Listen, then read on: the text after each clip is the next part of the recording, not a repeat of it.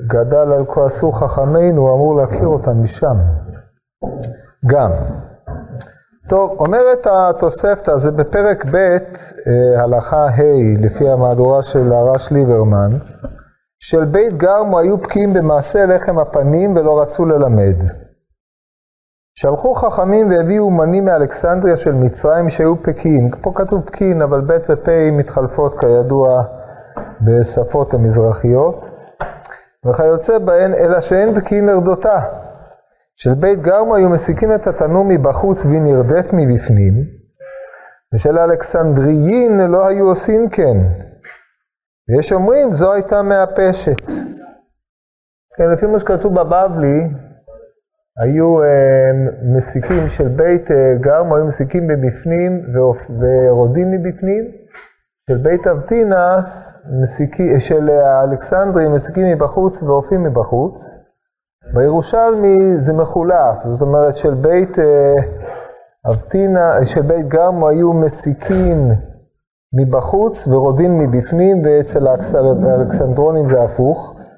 יהיה שיהיה, זה לא משנה מפני שאין לנו ידיעות ברורות על האופן שבו נעשו הדברים. אחרי זה אולי נתייחס לזה בקצרה. אמ, וכאן כתוב בתוספתא, ויש אומרים זו הייתה מהפשת, כן? בעוד שבבבלי היתרון של אה, הלחם של בית גרמו על של האלכסנדרונים הייתה שזאת לא הייתה מהפשת, זה מהפשת בלבד, כאן אנחנו רואים שיש אה, שני עניינים, גם האופן של העסקה ורדיעה וגם האיפוש. וכשידעו חכמים בדבר אמרו לו ברא הקדוש ברוך הוא את העולם אלא לכבודו. שנאמר כל הנקרא בשמי, כתוב בפסוק בספר ישעיהו, כל הנקרא בשמי ולכבודי, בראתיו יצרתיו אף עשיתיו. אנחנו נראה להלן שהגמרא, התוספתא מביאה פסוק אחר, שלחו להם ולא באו עד שכפלו להם שכרם. 12 מנה היו נוטלים בכל יום, דהיינו בכל יום שבאו לקבל את הכסף שלהם, לא בכל יום ממש. חזרו להיות נוטלין 24 דברי רבי מאיר, רבי יהודה אומר 24 היו נוטלים בכל יום, חזרו להיות נוטלין 48 מנה. אמרו להם חכומים, מה ראיתם שלא ללמד? אמרו, יודעים היו בית אבא שבית המקדש עתיד לחרוב, ולא רצו ללמד. שלא יהיו עושים לפני עבודה זרה, בדרך שעושים לפני המקום. ובדבר הזה מזכירים אותן לשבח, שלא נמצאת פת נקייה ביד בניהם וביד בנותיהם מעולם. שלא יאמרו מלחם הפנים הם ניזונים לקיים מה שנאמר, והייתם נקיים מהשם ומישראל. אז זה הסיפור של בית גרמו. הסיפור השני זה בית אבטינס, של בית אבטינס היו בקיאים בפיתום הקטורת במעלה עשן, ולא רצו ללמד. שלחו חכמים והביאו אומנים מאלכסנדריה של מצרים, והיו מפטמים כיוצא בהם. אלא שאין בקין במעלה עשן. של בית אבטינס הייתה מתעמרת ועולה הקורות, ואחר כך פוסה ויורדת למטה. זאת אומרת, אה, היא הייתה עולה עד אה, סוף גובה ההיכל, ושם הייתה מתפשטת ויורדת, ושל אלכסנדרין הייתה פוסה ויורדת מיד. היינו, היא לא הייתה מצליחה להתרומם, אלא מתפשטת כמו עשן של אה, גחלים. של אלכסנדר, כן, וכשידעו חכמים בדבר, אמרו לו ברק, המקום את העולם אלא לכבודו, שנאמר כל פעל השם למענהו. שלחו חכמים עליהם ולא באו עד שכפלו להם שכרן, 12 מנה היו נוטלים בכל יום, חזרו להיות נוטלים 24 דברי רבי מאיר, רבי יהודה אומר 24 היו נוטלים בכל יום, חזרו להיות נוטלים 48 מנה. אמרו להם חכמים, מה ראיתם שלא ללמד? אמרו להם, יודעים היו בית אבא שבית המקד... המקדש עתיד לחרוב, ולא רצו ללמד שלא היו מפטמים לפני עבודה זרה, בדרך שמפטמים לפני המקום. ובדבר הזה מזכירים אותן לשבח, שלא יצאת מהן אישה מבוסמת מעולם ולא עוד, אלא כשהיו נושאים אישה ממקום אחר, היו פוסקים על מנת שלא תתבשמי, כדי שלא יאמרו מפיתום הקטורת הן מתבשמות. לקיים מה שנאמר, והייתם נקיים, מהשם ומישראל. אז עד כאן אתם רואים שתי האגדות הללו בנויות על תבנית כמעט זהה, כך שהשיקולים של בית גרמו ובית אבטינס זהים לחלוטין. יש נוסחה בשיר השירים רבה בפרק ג' על הפסוק מזאת עולם מן המדבר, שהיא משנה קצת את משמעם של דברים, במובן זה שאצלנו כתוב, ולא רצו ללמד שלא היו מפטמים לפני עבודה זרה בדרך שמפטמים לפני המקום, ובדבר הזה מזכירים אותם לשבח שלא יצאת מהם אישה מושמת לעולם. זאת אומרת, זה שהשיקול שלהם שלא רצו ללמד כשלא היו מפטמים, זה לא עילה להזכרה לשבח. כן, כמובן זה לא שבח גדול במיוחד לכאורה, אבל um, השבח הוא על מה שהם לא יצאו מבוסמים, או נשותיהם לא יצאו מבוסמים. ואילו, שנייה אחת, בשיר השירים רבה כתוב, אמ, ולא עוד אה, אלא, אה, סליחה, כתוב, אה, הזה מזכירים אותם לשבח, ועוד בדבר הזה מזכירים אותם לשבח.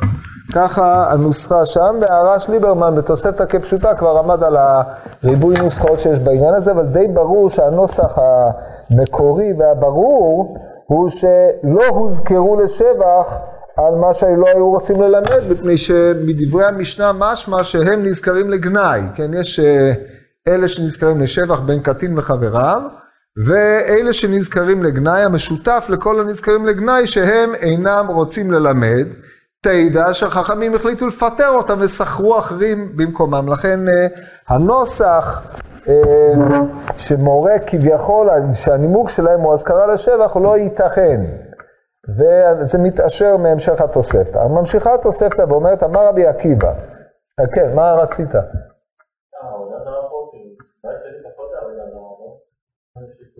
אני, אני חושב שלא היית בבית שלי. אני אומר לך שהריבוי של העבודה הזרה שהיה שם, הוא היה מדהים.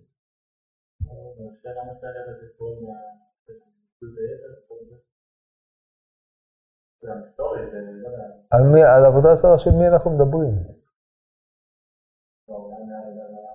עולם? שיטה.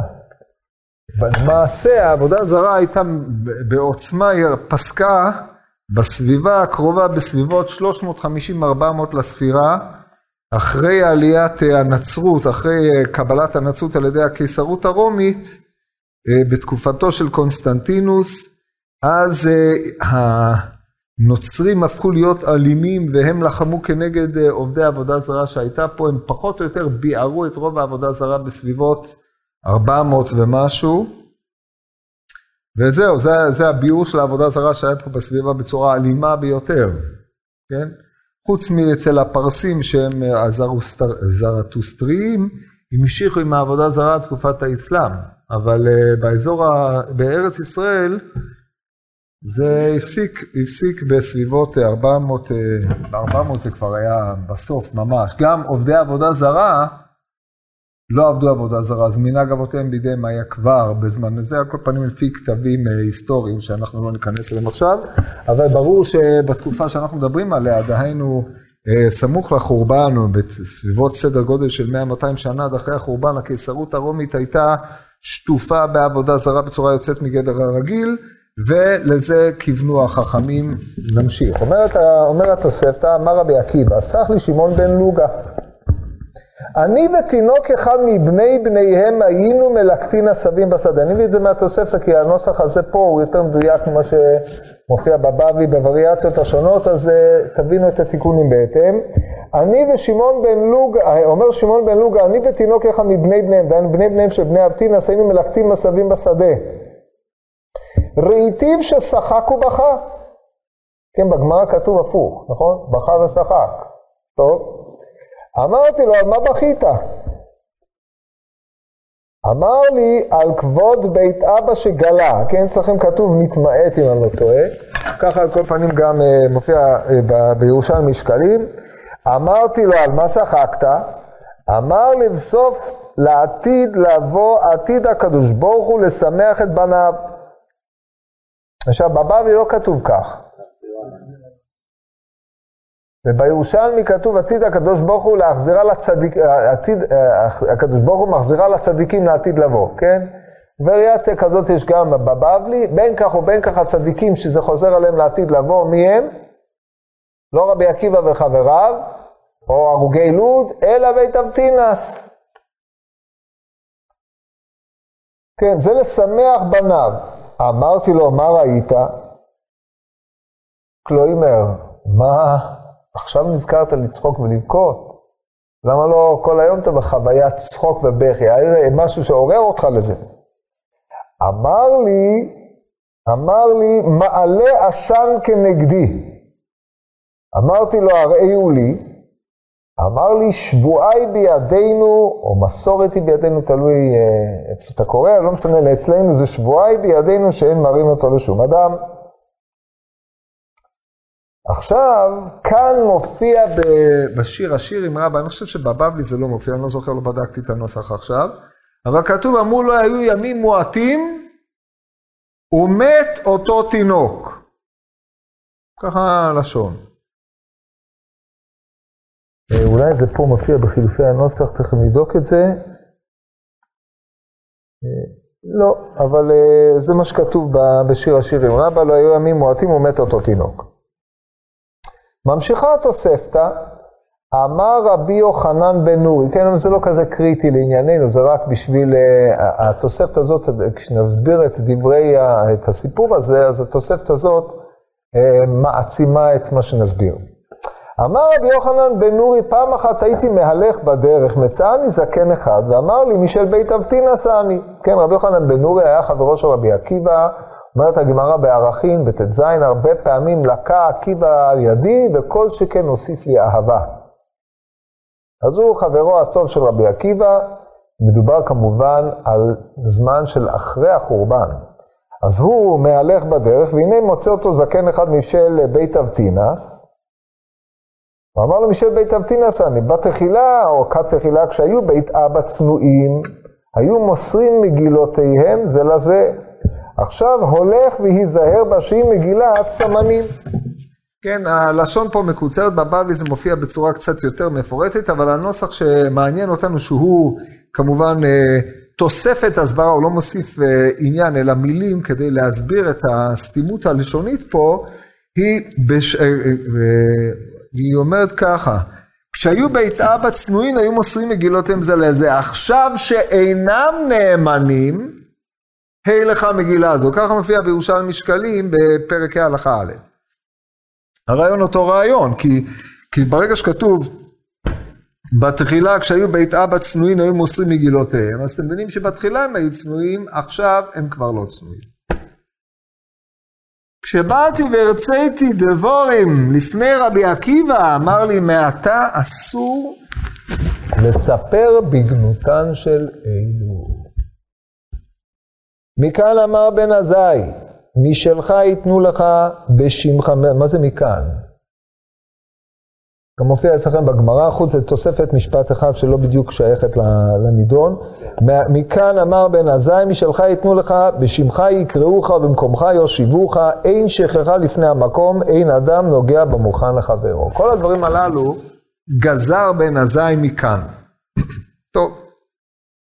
עכשיו אנחנו נדון על הסיפורים הללו, דיון חופשי, כיוון שלא היה לי זמן להרהר בזה יותר מדי, אז אני אגיד לכם uh, מה נראה לי.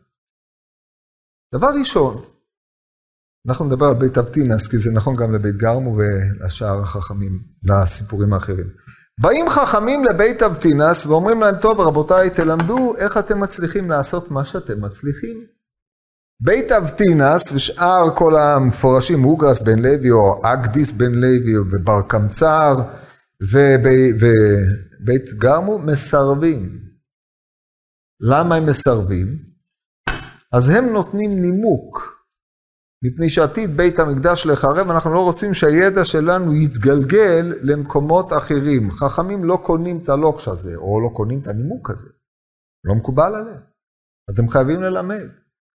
ומנקודת ראותם של חכמים, מניעת הלימוד היא מניעת ריבוי החוכמה, שתכף נדבר על זה. למה האינטרס שלהם לא ללמד, אז על פניו הוא אינטרס כלכלי, כמו שחברת קוקה קולה לא מפרסמת את הסוד, ולכן יש הבדל למי שאוהב קוקה קולה, ואני לא מנוי ביניהם, בין קוקה קולה לבין שאר המשקין הללו, אה, אני לא יודע בדיוק, בקיצור כל האחרים, וכולם מעדיפים את זה, ואף פעם לא הבנתי למה, אבל יש שם איזה משהו, אז והוא הדין לגבי כל פטנט, אדם מוציא פטנט, לא רוצה שאחרים ידעו אותו, שעל ידי, על הפטנט הזה הוא עושה כסף. בית גרמו או בית אבטינס, זה התעסוקה שלהם. ברגע שילמדו את זה לכולם, מה יקרה? ישר מכרז, במקום לקבל 12 מנים לשנה או למתי שמקבלים את המשכורת ולזכות להכפלת המשכורת, יבואו ויעשו מכרז, מי שנותן במחיר הנמוך ביותר הוא זה שעובד. הם לא רצו לחזור עד שיכפילו להם, לא הייתה להם ברירה, כן? זאת אומרת, מבחינה כלכלית הם מתנהלים נכון.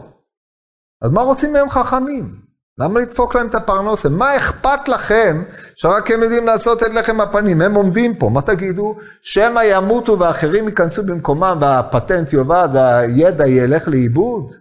הרי ברגע שהם מלמדים את הידע הזה, עכשיו הם מאבדים את ההגמוניה, את המשרה שלהם. אז צריך להבין מה הטריד את חכמים. אז חכמים הפעילו עליהם לחץ, הלכו לאלכסנדריה, כידוע אלכסנדריה התאפיינה. בעולם ההליניסטי היו אה, שתי, שתי אה, מתח בין שתי, אה, שני מקומות, יוון, או האיים האיגאים, וזה כולל גם טראקיה, דהיינו דרום טורקיה, אזור טרסוס למיניהו, כל האזור הזה שמי שקרא ועדיף שלא יקרא את האיליאדה ואת אודיסאה, אז הוא יודע שכל הסביבה היא כולה נכנסת תחת קטגוריה אחת עם המאבקים ביניהם. היוונים מאז ועד היום לא הפסיקו לריב, לכן הם אף פעם לא הצליחו בצורה משמעותית חוץ מהמקדונים, זמנו של אלכסנדר מוקדון, אז הייתה להם הצלחה יתרה ומאז דררט, כמו עם דפוק בקיצור. אבל הם העמידו כמה הוגי דעות טובים, זה היה היתרון שלהם. לעומת זאת, האלכסנדרונים היו מומחים בטכנולוגיה. זה העולם ההלניסטי שהמציא המצאות, זה היה אלכסנדריה, ואחד מגדולי הממציאים נקרא ארכימדס, שהוא מת בקרב בסיריקוס בגלל שהרומים אה, השתמש במראות כדי לשרוף להם את האוניות. בקיצור, הרומים עלו עליו והרגו אותו. אבל הוא היה גאון, וזה היה אפיון של אלכסנדריה. אלכסנדריה אחרי זה המשיכה, והיא הייתה מקור פורה של ידע, הייתה שם ספרייה עם מיליון כרכים, שמי שהשמיד אותה ושרף את הספרייה והרג את הספרנית הראשית שהייתה אז פרופסור משמעותי ביותר, היו לא אחר מאשר הנוצרים, חסרי הדעת, רודפי האמת המזויפת, ולא יכלו לסבול את הידע שהיה לאחרים, כילו את הכל, כן? זה הדת הנוצרית במיטבה בשם רדיפת האמת, זה מה שהם עשו. טוב, עכשיו נחזור לענייננו. אז הם הלכו לאלכסנדריה, ואלכסנדריה כמו כן היה, הייתה קהילה יהודית עצומה. שהקהילה הזאת, כידוע מהגמרא במסכת סוכה בדף נ"ב על הבית כנסת באלכסנדריה, שהוא היה ענק, מחזיק פעמיים שתי ריבו, פעמיים אה, כפליים יוצאי מצרים, כן, מספר אה, טיפולוגי, אבל היה ענק. הייתה קהילה יוצאת מגדר הרגיל, הקהילה הזאת הייתה קהילה חזקה מאוד והושמדה בפרעות על ידי היוונים בזמנו של טריאנוס. זאת אומרת, היא החזיקה מעמד הרבה מאוד זמן. כמובן, לא הביאו אומנים גויים, הביאו אומנים יהודים, הם היו מומחים בכל מלאכה, וכשהם באו להתמודד עם הידע של בית גרמו, למרות המומחיות שלהם הם לא הצליחו, בית אבטינס, הם לא הצליחו אה, לעשות את זה. כמובן זה היה לחץ מצד החכמים, להגיד להם, טוב, אתם מפוטרים, הביאו את האחרים. לא הצליחו, החזירו את אה, בית אבטינס, אמרו חכמים, כל פעל השם למענהו. למה היו צריכים צידוק דתי? הרי תכלס, הם לא מצליחים לעשות את זה. אז ברור שתחזירו את בית גרמו ותכפילו את המשכורת שלהם. מה, למה הכל צריך לעבור דרך פסוקים? זו שאלה שלא מתאימה לשאול אצל בחורי ישיבות, אדרבה, הכל צריך לעבור דרך התורה וכו', אבל זו שאלה אמיתית, מה, זו בעיה פרקטית. למה אתה שואל שאלות כאלה? מה, מה, מה הבעיה בזה שאני שואל את השאלה הזאת?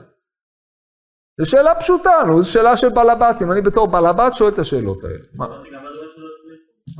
מה זה אומר שלא הצליחו לעשות? הם, אני אגיד לכם מה זה לא הצליחו. בלחם הפנים זה פשוט, הרי כתוב על לחם הפנים לחם חום כיום מלקחו. אומרת הגמורה, שבשעה שהורידו את הלחם הפנים, מהשולחן הוא היה חם. בדיוק כמו שהוא היה בשעה שהניחו אותו. אומרת הגמרא, הרי כתוב שמה, שלמה עשו את השולחנות הללו, תני, יש כאלה שעשו אותם כסף, ולמה מי שאומר עשו אותם, והחליפו כסף בשיש? מי שהשיש מקרר, כך אומרת הגמורה. אומרת הגמרא, והרי לחם הפנים היה לחם חום כי יום ילקחו. אמר רבי שועה בן לוי, אין מזכירין מייסה ניסים. כן, מי שלמד את הדף, אה, גמרא היום, זה פורש. אבל זה מעשה ניסים. עכשיו באו אנשי אלכסנדריה, הלחם שלהם היה מתאפס, זאת אומרת, אחרי שבוע היה מלא עובש. למה הוא היה מלא עובש? סיבה פשוטה, הם לא עפו אותו טוב. כי הם היו צריכים לאפות את הלחם הזה, הלחם הזה היה לו מבנה גיאומטרי מעניין, יש מחלוקת בגמרא במנחות צדיק ח', האם הוא נראה ככה, ספינה פרוצה, או שהוא תיבה, עם כל מיני זוויות, לפי הרלב"ג, לפי... בקיצור, איזה מבנה גיאומטרי מורכב. אם אתה לא אופה אותו כמו שצריך, אז הבפנים שלו לא, לא אפוי, והוא אה, אחרי שבוע שיושב שם בחום של... אה, האזהרה עם ליד המזבח ויד הנרות וכל זה והעשן וכל העסק, מה יקרה לו?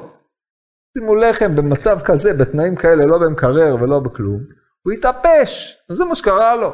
אמרו זה כבוד שמיים, אתה מוציא ביום, במשמרת, בא לקבל את הלחם הפנים והיו רבים עליה, כידוע, בן חמצן נקרא זה שהגיעו לו אה, שני החטף את של חברו, אף אחד לא חטף שום דבר, הלחם הזה נשאר ואף אחד לא רצה לגוע בו, מה עם כבוד שמיים?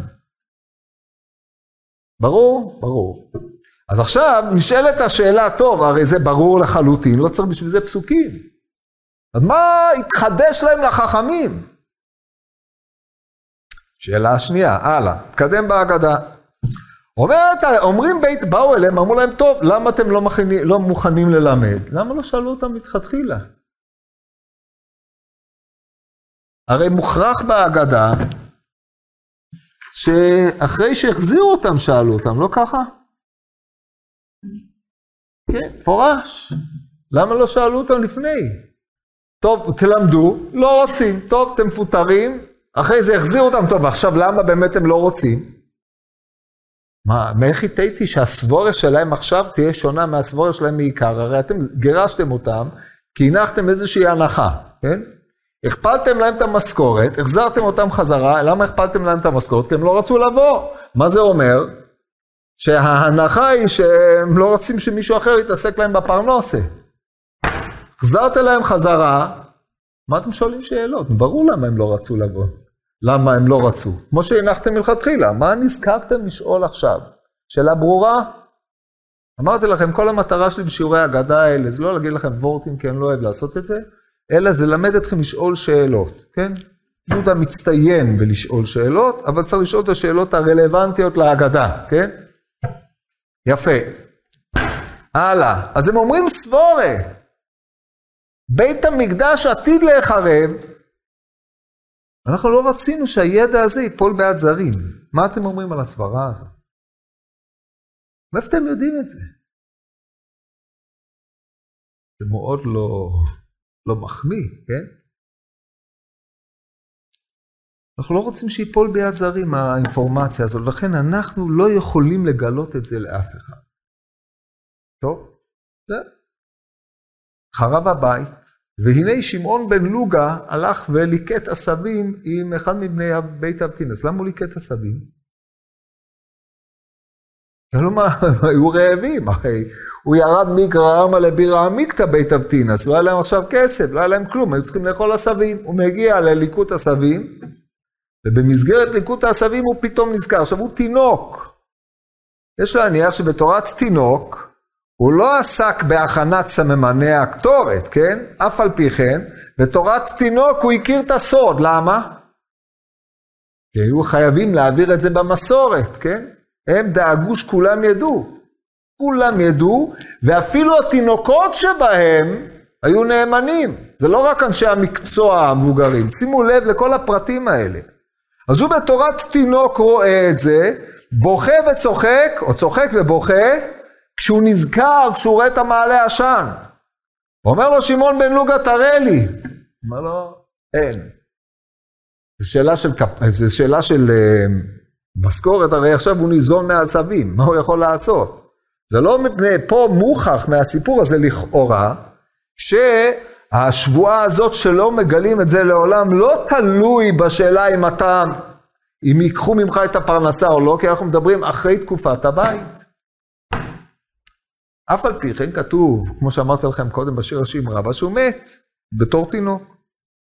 משמע שמחמת אה, חוסר רצונו לגלות, הוא מת. אחרי זה ממשיכה הגמרא, ממשיכה תוספתא, ואומר שבאו ומסרו לרבי יוחנן בן נורי מגילה עם כל הסממנים, מפני שעכשיו אינם צנועים. עד כאן העובדות. עכשיו בואו נתחיל לנתח.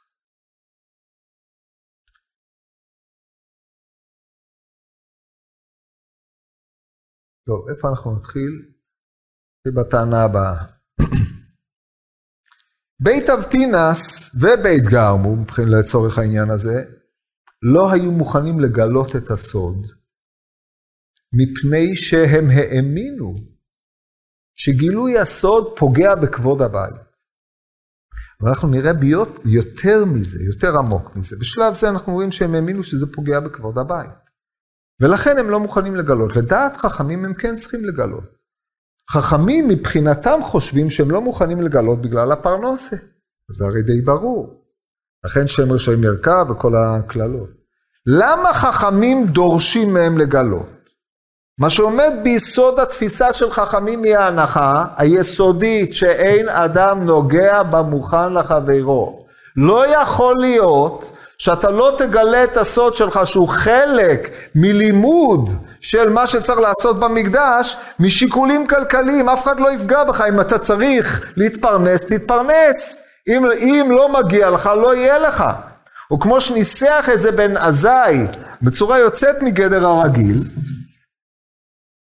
אומר בן עזאי, משלך ייתנו לך. מה שנותנים לך זה משלך, לא משל אחרים. ובשמך יקראוך, זה עוד מעט נראה, ואין שלך, ואין אדם נוגע במוכן לחברו. אמרנו כמה פעמים, כן, אין אדם נוגע במוכן לחברו כמלוא הנימה, לא אומר שאדם נוגע במוכן, לא. כי גם זה יכול להיות, יש הרבה אנשים שמעולם לא נגעו במה שמוכן להם, כי כל מה שהם רצו זה לגוע במוכן לחבריהם. אז יצאו קרחים מכאן ומכאן. אבל על כל פנים, היסוד הגדול, אין האדם נוגע במוכן לחברו, זה אחד היסודות היותר קשים לחיות על פיהם. וזה אמונתם של חכמים. כי מישהו חכם באמת, מאמין שהקדוש ברוך הוא קוצב לו לאדם את מזונותיו, ואדם לא, אדם שנוטל מן השני מתוך תקווה, או את שלו שלו, הוא לא נוטל את שלו, לא מגיע לו כלום. אז לא יכול להיות שהם, האנשים הללו שמחזיקים ידע, שיכול להאדיר את כבוד התורה, יכול להאדיר את הלימוד, יישאר איזוטרי אצלם. על זה נאמר, אמ, אם למדת תורה הרבה, אל תחזיק טובה לעצמך, שלכך נוצרת. יש לך את הפטנט הזה, אתה יכול לגלות אותו לחכמים, כדי שהם יבינו את עניין לחם הפנים, לגלות את עניין הקטורת, תגלה אותו. אף אחד לא ייקח ממך כלום. אבל בחשיבה של האדם ההמוני, אם אני אגלה, אני אפסיד. אז חכמים אמרו, אנחנו לא מוכנים שאנשים כאלה הם אלה שיעמידו את כבוד הבית. לא את הקטורת ולא את לחם הפנים. צרות עין במקדש היא מהדברים היותר גרועים שיכולים להיות. אתם מפוטרים, זהו. הביאו אנשים מאלכסנדריה, ולא הצליחו. למה לא הצליחו? אה, יהודה, למה לא הצליחו? כי לא ידעו את האינפורמציה הזאת, נכון? חכמים לא חושבים כך. עכשיו תבינו איך חכמים חושבים. זה החשיבה של האדם ההמוני, שיש לו פטנטים, שהוא שומר אינפורמציה לעצמו וכו' וכו'. זה לא חשיבה של חכמים. הרי אין שום סיבה שהוא יכיר את העשב ומישהו אחר לא יכיר את העשב. אין שום סיבה אמיתית. מה היה בזמנו של משה רבינו? איך הקטורת הייתה עולה? כמו שצריך. איך הייתה הקטורת עולה בבית ראשון עד שהפסיקה לעלות? כמו שצריך. באיזשהו מקום נפסק החוט, עכשיו הוא נתחדש. הידע הזה היה קיים מאז ומעולם, זה לא שבית אבטינס הכניסו אינפורמציה שמעולם לא הייתה קיימת.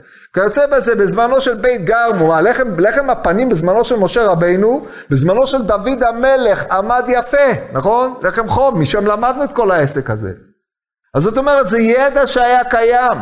אז איך יכול להיות שכשחיפשו חכמים בכל העולם, אלכסנדריה מייצג את גדולי המומחים. פירושו של דבר שעשו סקר שוק וכל זה שאני לא יודע איך עושים, אבל הם עשו, אף אחד לא יודע. איך זה יכול להיות? זו שאלה שאין עליה תשובה כי א', כי ב', כי הם ידעו, כי... התשובה היא מפני שהקדוש ברוך הוא העלים את הדבר הזה. זה האופן שבו חכמים, לומדים, חכמים אומרים. הקדוש ברוך הוא העלים את זה וייחד את זה אצל בית גרם או אצל בית אבטינס. זו תשובת החכמים. ובשביל זה סיפרו, הביאו מומחים וכו'. זאת אומרת, מן השמיים מעוניינים, זה, זה האופן שבו חכמים למדים, מן השמיים מעוניינים שבית גרמו ובית אבטינס הם אלה שיעמידו את לחם הפנים. אז בהתחלה סילקו אותם מתוך הנחה של צרות עין, מבחינת שם רשעים ירכב. החזירו אותם מפני שהגיעו למסקנה שזה מה שהקדוש ברוך הוא רוצה, כי לא יכול להיות אחרת. ואז שואלים אותם, הרי הם אומרים, אנחנו לא, חז... לא מוכנים לבוא. תסתדרו. הכפילו להם את המשכורת. עכשיו, הנקודה הזאת היא לא נקודה, למה אתה לא מוכן לחזור חזרה? למה? אז הם, הם רצו יותר כסף? זה מה שהיה חסר להם? הם היו יכולים להפסיד, לעשות שביתה ולהגיד אנחנו לא עובדים, אם לא תכפיל לנו את המשכורת, כמו שהרבה אנשים עושים, כן, העלאת השכר, תצמיד את זה למדד. אלא מה? הם ראו בזה פגיעה עצומה בכבוד שמיים. הרי מה שאנחנו עושים, זה לא שאנחנו עושים לצורכנו, אלא אנחנו, כמו שאתם הבנתם, ולכן סילקתם אותנו, אלא אנחנו מכוח כבוד שמיים עושים. עכשיו כשאתם מחזירים אותנו חזרה, למה? כי לא הצלחתם למצוא תחליף, זאת אומרת, אנחנו בעצם מחליפים את בית גרמו. אתם מבינים מה שאני אומר? בית גרמו, מחליפים את הבית גרמו. אם היו מוצאים תחליף, לא היו מחזירים אותם. אבל אף אחד, אבל אנחנו, יש לנו את הסוד. עכשיו תחשבו על זה ככה, לפי הנימוק של בית גרמו, שאם הסוד היה מתגלה, עשו את זה לפני עבודה זרה, יכול להיות שמישהו אחר ידע? אתם מבינים את השאלה? לא. לפום סבורת דידו, דידו, שהם לא יכולים לגלות מפני שאחרת הסוד הזה יתגלה וילך ויעשה לפני עבודה זרה. יכול להיות שהאומנים מאלכסנדריה היו יכולים לדעת או לא? נניח שכן, אז מה, מה הבעיה? תשאל את האומנים מאלכסנדריה איך עושים, אלא ברור היה לבית גרמו שאף אחד לא יכול לדעת, כן? כי אחרת מה, הם לא מחזיקים שום סוד. מובן או לא מובן? תחשבו על זה בהיגיון רגע. אתה לא הבנת את זה? אחרי זה באוכל, תפלפל עם מישהו, הוא יסביר לך את זה. זה לא כזה קשה להבין. עכשיו אני אבל אצעד צעד נוסף, הרבה יותר קיצוני, עוד מעט תראו. אם זה כך, אז אומרים בית גרמו, אתם לא מחזירים אותנו מפני שאנחנו תחליף של בית גרמו. לא. אנחנו לא חוזרים באותם תנאים, אתם תכפילו לנו את המשכורת, מפני שמה שאנחנו עושים זה כבוד שמיים. אז מה שקיבלנו עד עכשיו זה מה שהייתם משלמים על האומנים של אלכסנדריה. אנחנו מקבלים בגלל הייחוד של בית גרמו. שואלים אותם, מה?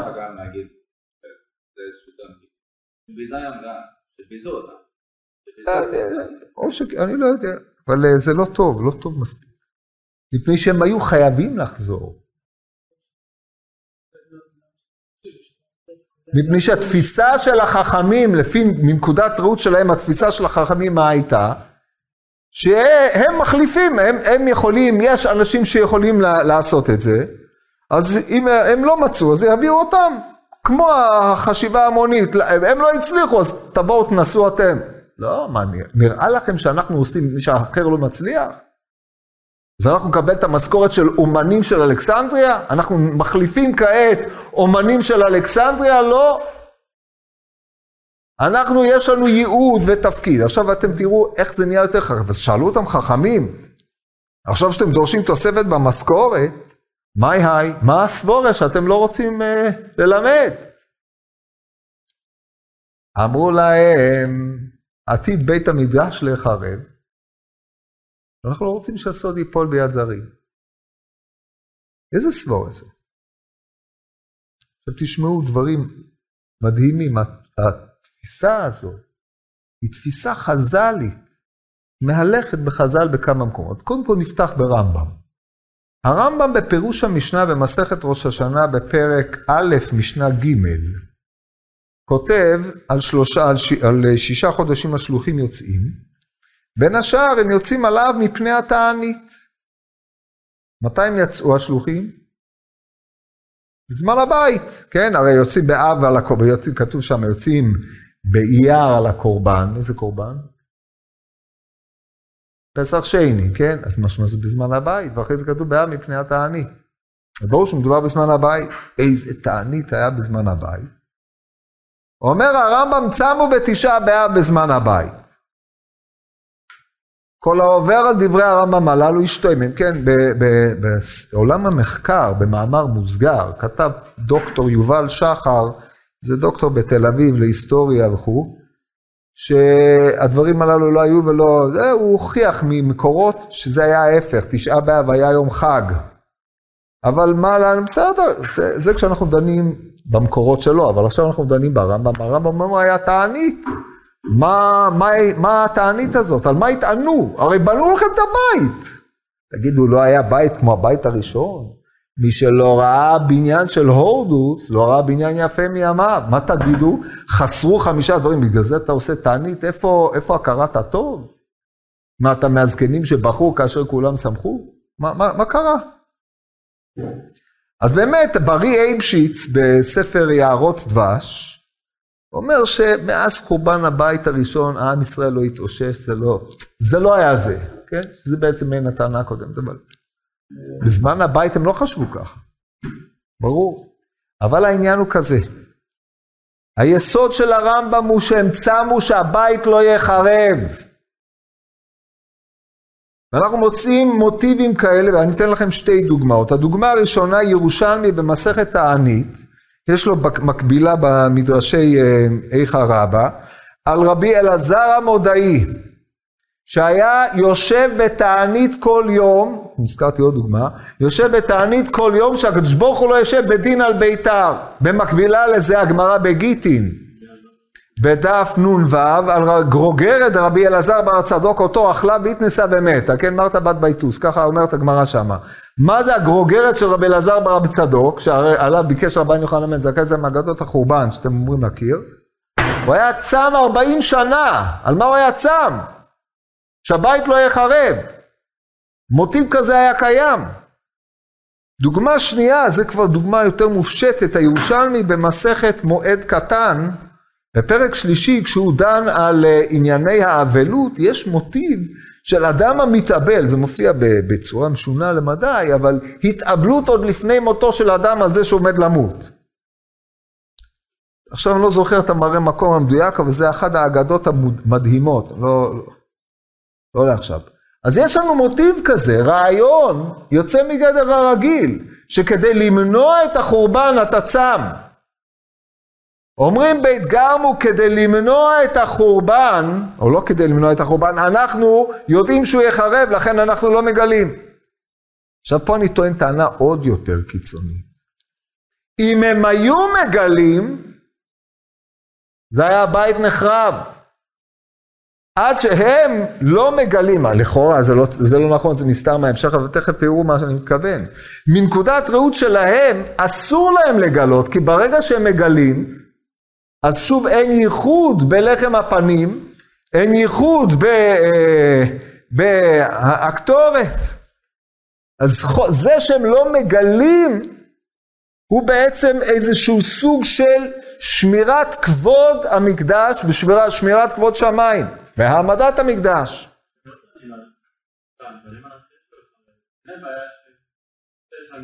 אנחנו יודעים שיהיה חרב, עכשיו אתה לא יודע מתי הוא יהיה חרב, אנחנו יודעים שיהיה חרב, ואנחנו לא רוצים שהידע הזה יגיע לידי זרים אחרי שיחרב, כן? תראה, כל עוד בית המקדש קיים, שום מקום אחר לא... אבל הם אומרים, מפורשות, היו יודעים שבית המקדש עתיד לחרב ולא רצו ללמד שלא היו מפטמים לפני עבודה זרה בדרך שמפטמים לפני המקום. אין, אין, אי אפשר לפטם קטורת אה, שלא בפני עבודה זרה, אי אפשר לעשות את זה חוץ למקדש, מה פתאום?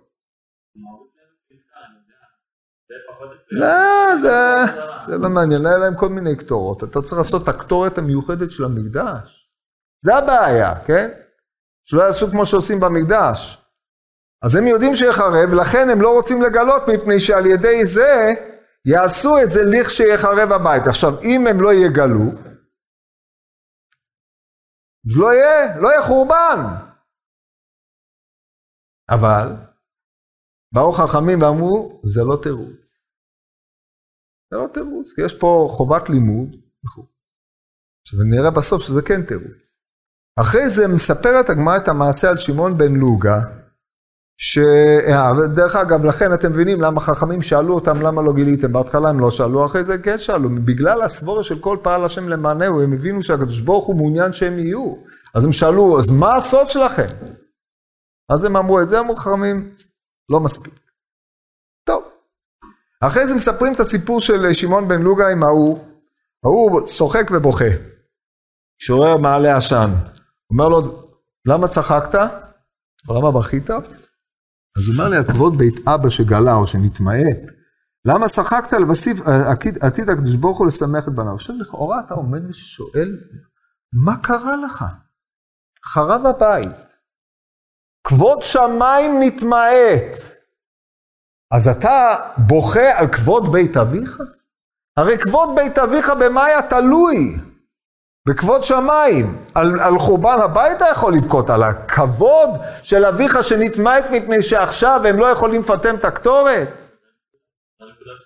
אז יוצא שיש פה איזשהו גילוי של עיוות של המחשבה של כבוד שמיים. זאת אומרת, בית אבטינס המעמידים את הקטורת במקדש, זה כבודם.